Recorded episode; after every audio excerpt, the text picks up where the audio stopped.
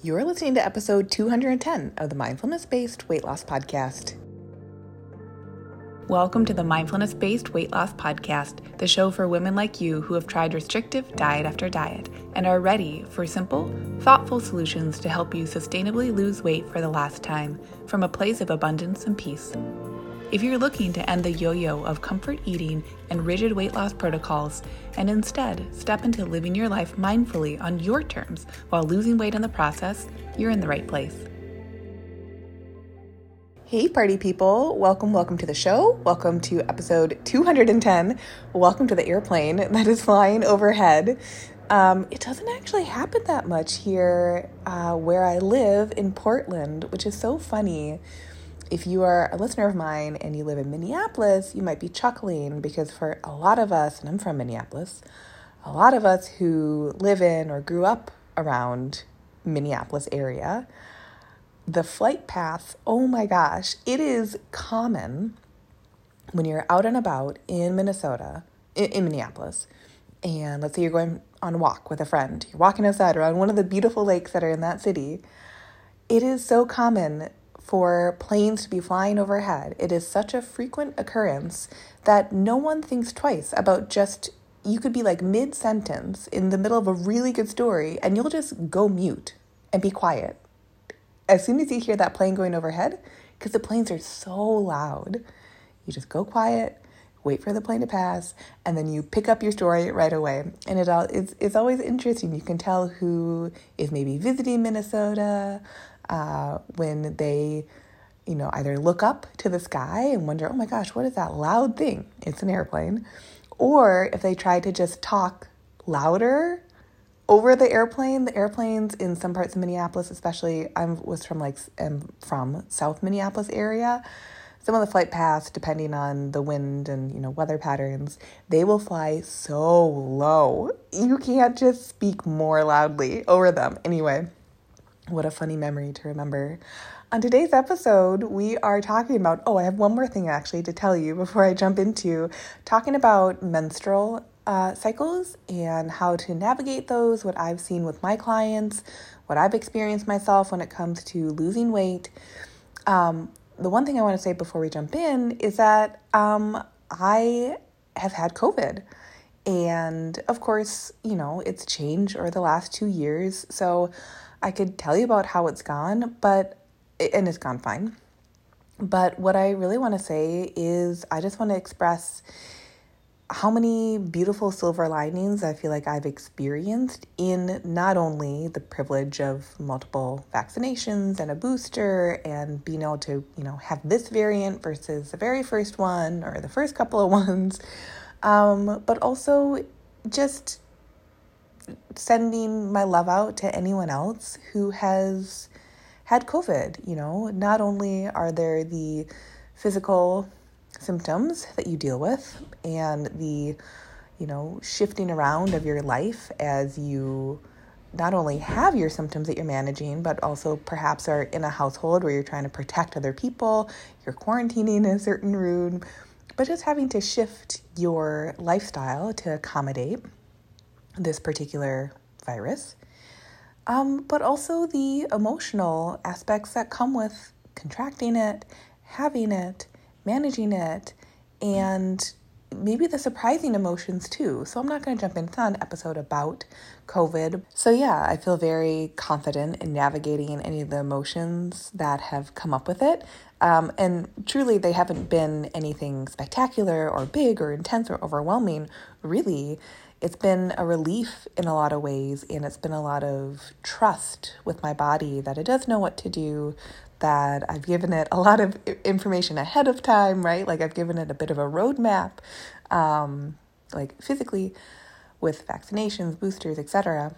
So just extending extending my love to anyone else who has navigated this, and um, I'm excited to not be positive soon enough and to be able to stop quarantining pretty soon and you know been keeping my boyfriend my partner safe. So far he hasn't had it which has just been really wonderful.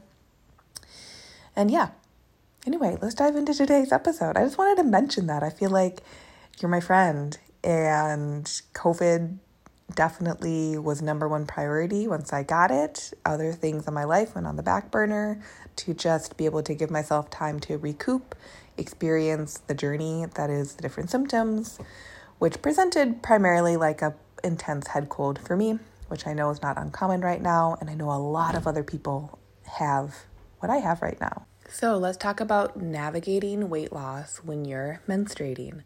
Now, the number one takeaway I want you to have from this show is that you can lose weight and you can have different bodily needs throughout the month, and that those can not only go hand in hand, they can be really supportive of one another.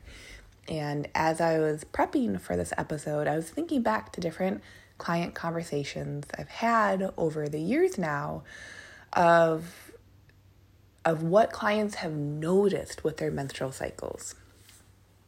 What what can be very common when someone is starting out on like a thoughtful weight loss journey, right? Like a mindfulness based weight loss journey is often there can be feelings of somewhere in the realm of anxiousness, um, anticipation, maybe some nerves around the scale and like the, their body weight and how it will fluctuate before they have their period and they're menstruating.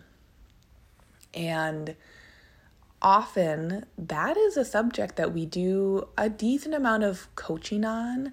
And, and what's so amazing is like the reason I love coaching so much is, you know, we can come back to a subject it's not like you do like a one and done, like, oh, we're, we're going to talk about this once and then never talk it ever again. But often, what I notice, because for, you know, the majority of people who are coming in who are menstruating, they're menstruating with regularity. So it is something that's occurring on an about a monthly basis for, you know, again, majority of people, not all people. But it's this beautiful self experiment of being able to notice oh, this normal, healthful occurrence of a monthly cycle means that, like, there's emotional processing that comes up with the idea that because my body weight might shift month to month throughout the month, I have held certain expectations around what my body, quote unquote, should be doing, that it should have a static scale weight, that the weight should not change, that my appetite should be static throughout the month. That once I figure out my appetite, that means it shouldn't change because then I'll have to figure out my quote unquote new appetite. That certain foods that I have figured out that quote unquote work for me might not quote unquote work you, you catch my drift here, might not work during this certain week or two of my monthly cycle. So I find menstrual cycles such a wonderful experience. If there's something you do experience, they're a wonderful part of the weight loss journey because they are something that bring up emotions for us. And our emotions are help us harken back and figure out what it is exactly that we're believing and thinking about our bodies, right? What are the expectations we might be putting on them? Why is it that we feel a certain feeling when we think about the scale weight changing in a way that we feel like we don't have control over? You know what I mean? So, from an emotional standpoint, being able to ride the wave, the bloody wave, high on flow, being able to ride the wave of the emotions that this menstrual cycle will be offering you is so life affirming. And what a good handful of my clients have found over time is number one, the more they get to know their bodies, their body's hunger, their body's appetite, their body's preferences. A lot of people enjoy having, let's say, like more carbohydrates the week before they menstruate. A lot of people notice that they have a bit less energy the days leading up to their cycle. Many people notice that their body at, tends to either stay a little bit static with their scale weight, or the weight might even increase in the short term before their cycle starts. And if we aren't noticing, and I'll talk about physical stuff in a minute, but if we aren't just allowing our bodies to have these processes without us interrupting them, then we'll never really get to know what their actual process is. So, if we're talking again, like scale weight is a big one, which is why I just jumped right into it initially. When we're talking about scale weight, it's very, very common that the scale weight is going to go up for a bit and then your cycle starts and then it comes back down instead of deciding that that's a bad thing, what a lot of my clients find is that it becomes this beautiful sign of like, oh, look at this healthful, normal thing that my body is doing for me. Having a regular menstrual cycle, what a gift, right? Here is that sign that this normal thing is happening, and I don't even have to make it happen, right? Can you imagine thinking about your scale weight in that way, where you can really say, oh, it doesn't it has nothing to do with my worth or how I'm navigating my life. There's nothing to fix and there's nothing that's gone wrong when it bumps up for a bit because I know as I continue to just make my simple meal choices, to show up for those choices, right? To follow through with what I tell myself I'm going to do. As I do that, I am then divorcing myself from having to jump on a restrictive diet or take, you know, a pill that'll help me pee out this, like, for the most part, the weight before your cycle is mostly just water weight because of your fluctuating hormones. The water weight is neither good nor bad, it just is.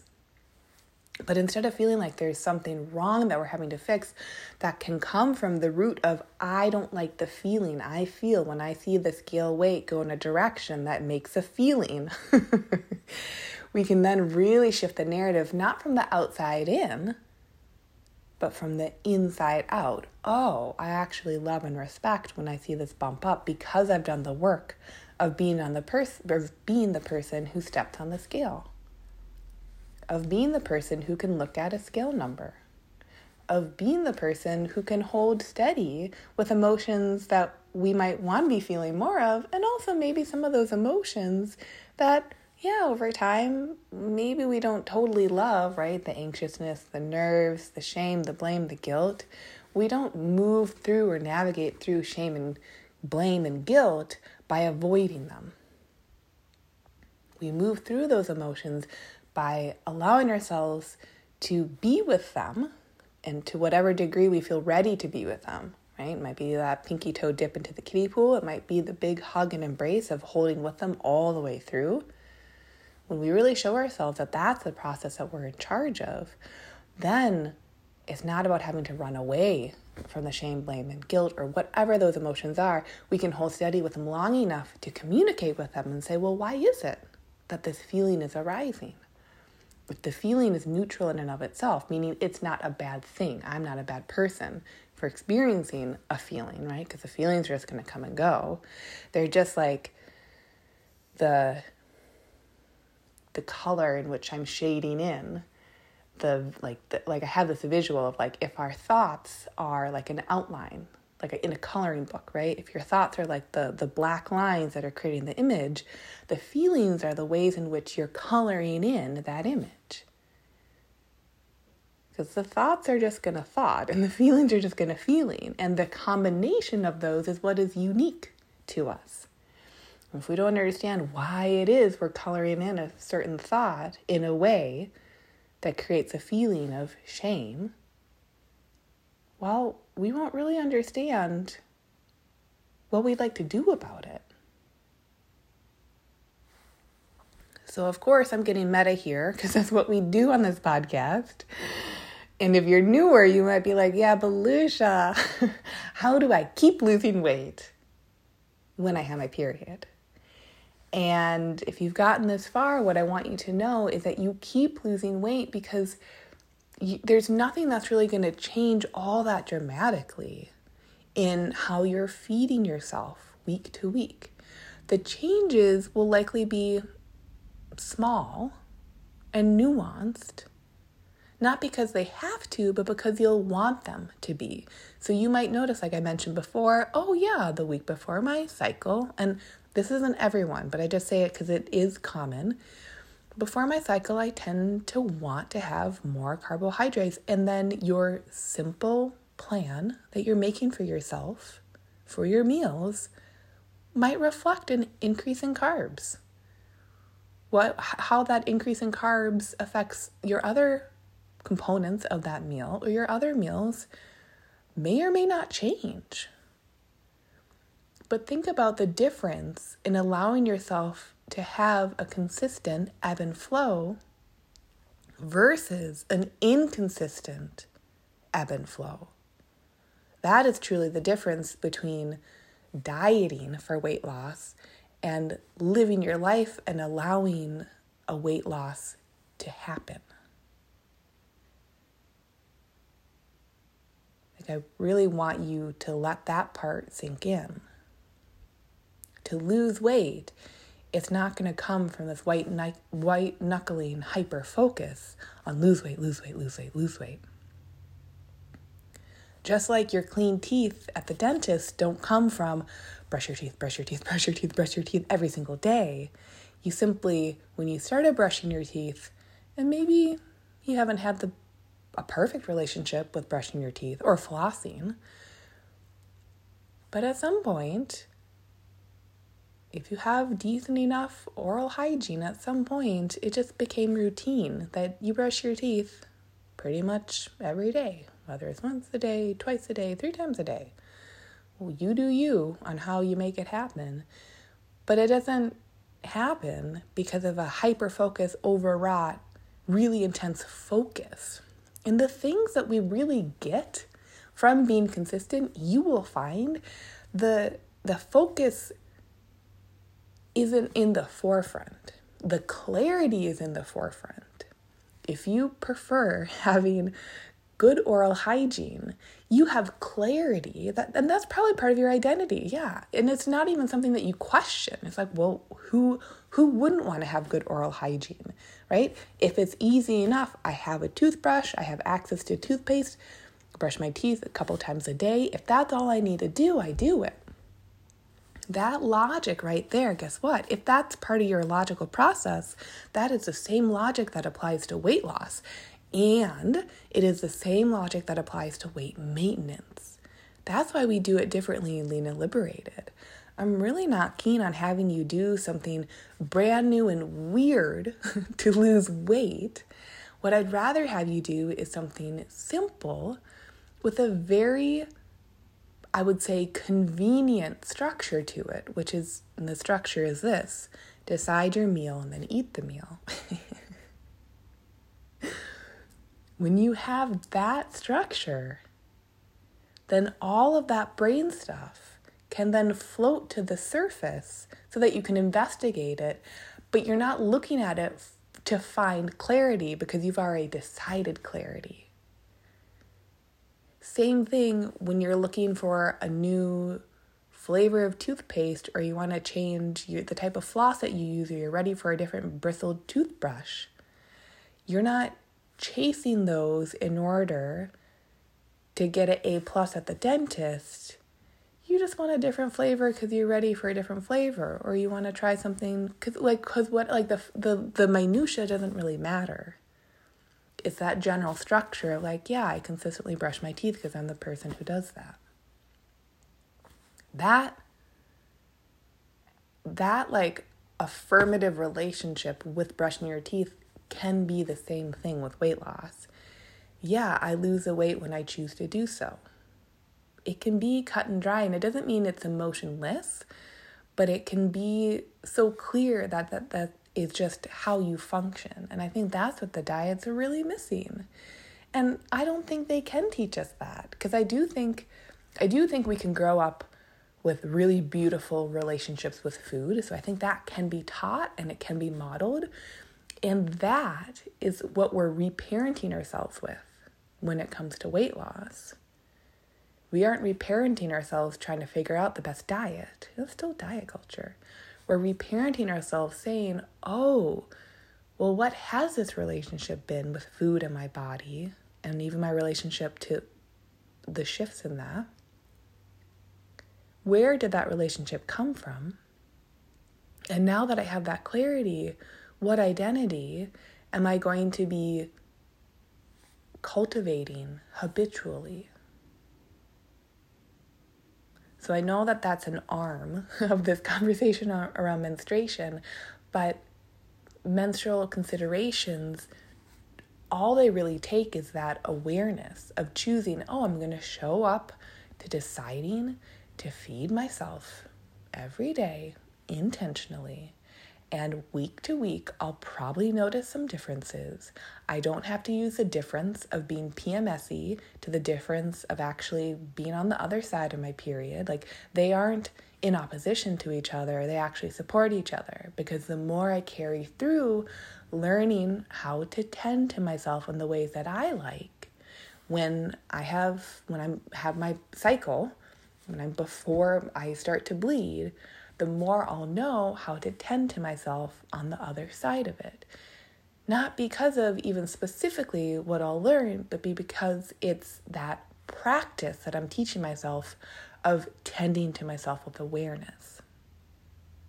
So the container is the tending to, the practice is the awareness, and then the specificity is what crops up as you're in that practice. It's like the same thing as let's say if you have a if you have a meditation practice or if you've ever tried meditation or if you just know the concept of meditation, when you're sitting and meditating, what typically happens is that thoughts come up and there are lots of different styles of meditation and mindfulness.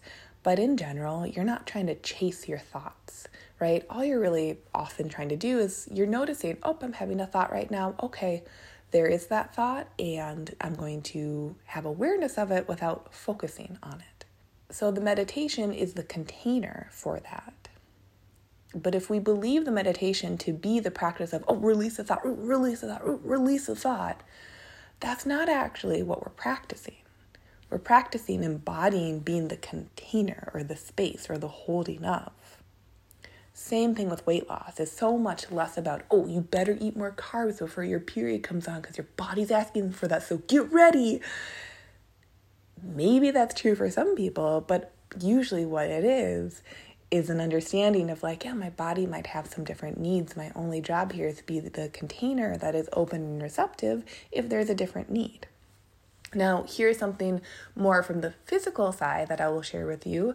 My clients who tend to lose 20 to 30 or more pounds do typically notice that some of their menstrual cycle uh, symptoms, such as the weight fluctuations or the um, heaviness of their cycle, and I've experienced this as well, um, their menstrual cramps, they can notice, and this is not always, I'm not making any health claims here, but they can notice a reduction in the severity of those symptoms. And I think that comes from at least a twofold, if not a like a three pronged reason. Number one, I think the experience of our menstrual cycles, because we start to practice more and more thought work and mindfulness, the experience can start to feel more balanced. So even if you are experiencing menstrual cramps, because you've been cultivating that awareness throughout the month and because you've been listening to your body and the cues it's sending you, you've been feeding it when it's hungry, you're stopping when it's satisfied, you're again maybe shifting some of the foods a little bit to really nourish it that extra amount. You're creating your nutrition plans, your meal plans, and then like one day at a time, right? You're just making a choice about what you're eating and then you're following through on that. Because of that, I think there's more trust with the body that can be cultivated. And so something like menstrual cramps or whatever can feel like less of a burden because we're having less of an anxious response to it or less of like just an oppositional response to it. That can be happening as well because of everything that I just mentioned. We could actually have a really lovely nourished body that is getting in enough different minerals, getting in enough magnesium, which plenty of studies for decades are showing how magnesium is supportive for muscle contraction and muscle relaxing, which think about cramping. Okay, right? If we have different nutrient stores that are more repleted, so filled up, then that physiologically will help support the body do what it's going to do. So you might be having cramps because, of course, you're still getting your period, right? There's still those um, contractions, those muscle contractions that are happening. But if we're full up from a nutrient status, then it will provide more of a easeful experience, even as we're having these normal experiences of menstruation. And then, thirdly, because body fat is a secondary endocrine organ. So endocrine organ are endocrine organs are organs that um, create hormones. And so we have primary endocrine organs. You can think of like your reproductive organs. And we also have secondary endocrine organs. So your body fat is not in charge, but it is contributing to your hormonal balance and just your hormonal status. So, as people are reducing their body fat stores, you are also then reducing that hormonal signaling not in a bad way but it is often it's like neutralizing and coming into more of a balance as you're coming into a balanced body weight as defined by you as chosen by you i do notice that plenty of clients start to have more easeful menstrual cycles that come on more easily, are experienced more easily, and end more easily because of the nutrition, because of the thought work, and then because of their lowered body fat stores. So they have more of a balanced endocrine system and endocrine signaling. So I don't want to shy away from that because that is true, it's common. And again, that what I find how that is sustained and sustainable is coming from deepening that relationship with the foods that you want, that you choose to eat, and deepening that thought work of really getting to understand, maybe love and appreciate whatever your values are, the signals from your body, and having that thought work and feelings work with how your body is and the physicality of being a human living in a human meat suit. so, those are like the three prongs that I do want to mention.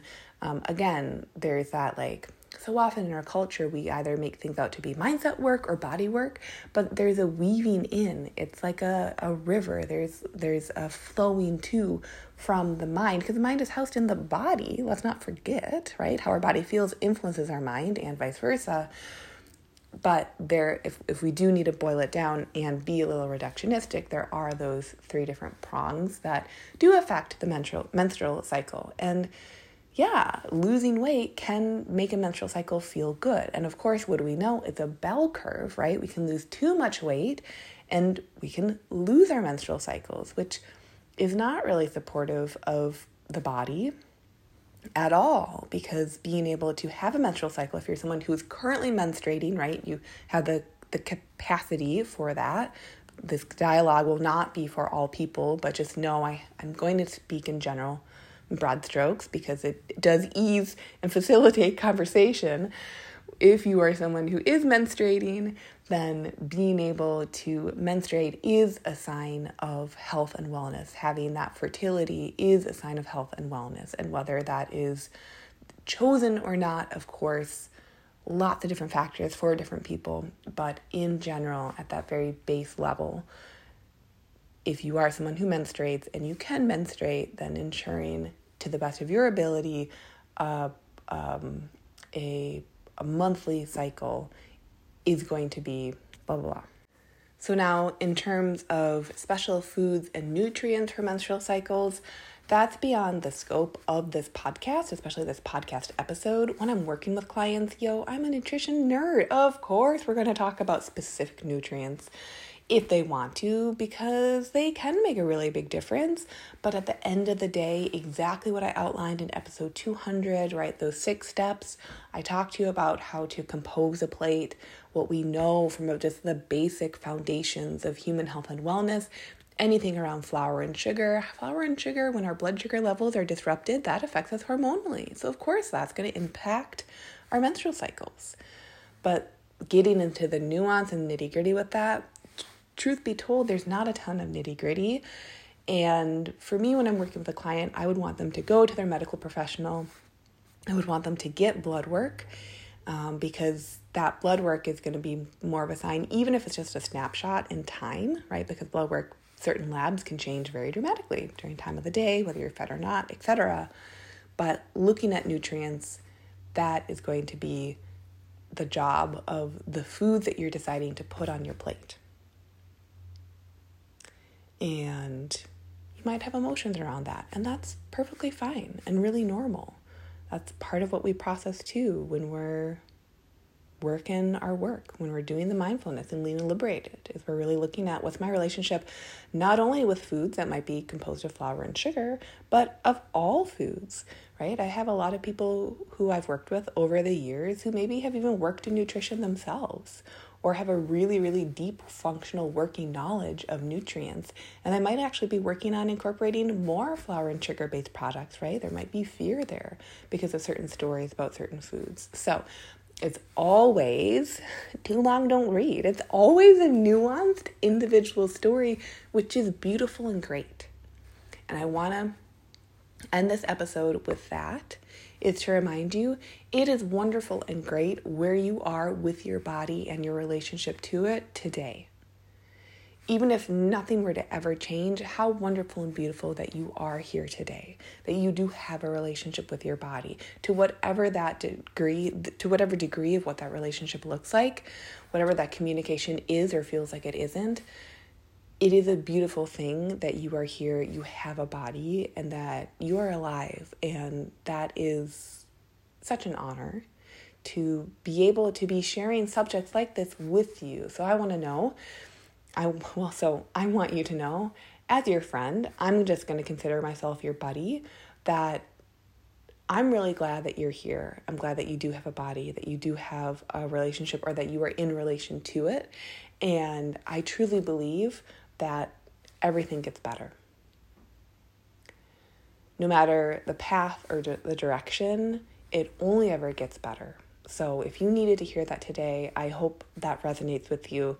I hope this conversation around the menstrual cycle and weight loss was supportive. I hope it was something different than what you might normally hear, especially when it comes to weight loss. There is, of course, so much more I could say, but I want to keep it to about a half hour because I like to have my episodes be 20 to 30 minutes long. This is not about a deep dive into functional nutrition because, for the most part, the really simple basic stuff actually covers those bases.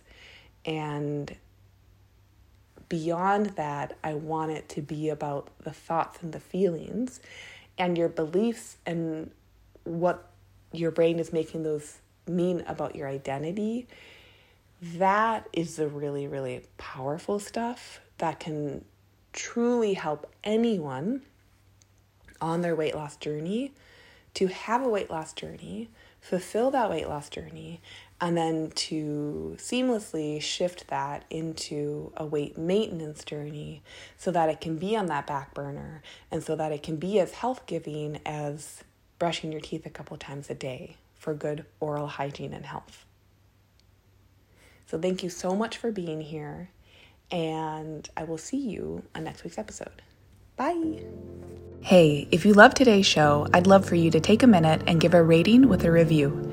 If you too are ready for more women to make life choices from loving mindfulness, that means we need more women listening to this message so they know it's available to them and they can do it too. And if you're ready yourself, come join Lean and Liberated, where we'll work together and you'll learn how to take this process to the next level in your weight loss goals, life desires, and beyond. Go to luciahawley.com, that's L U C I A H A W L E Y.com to connect.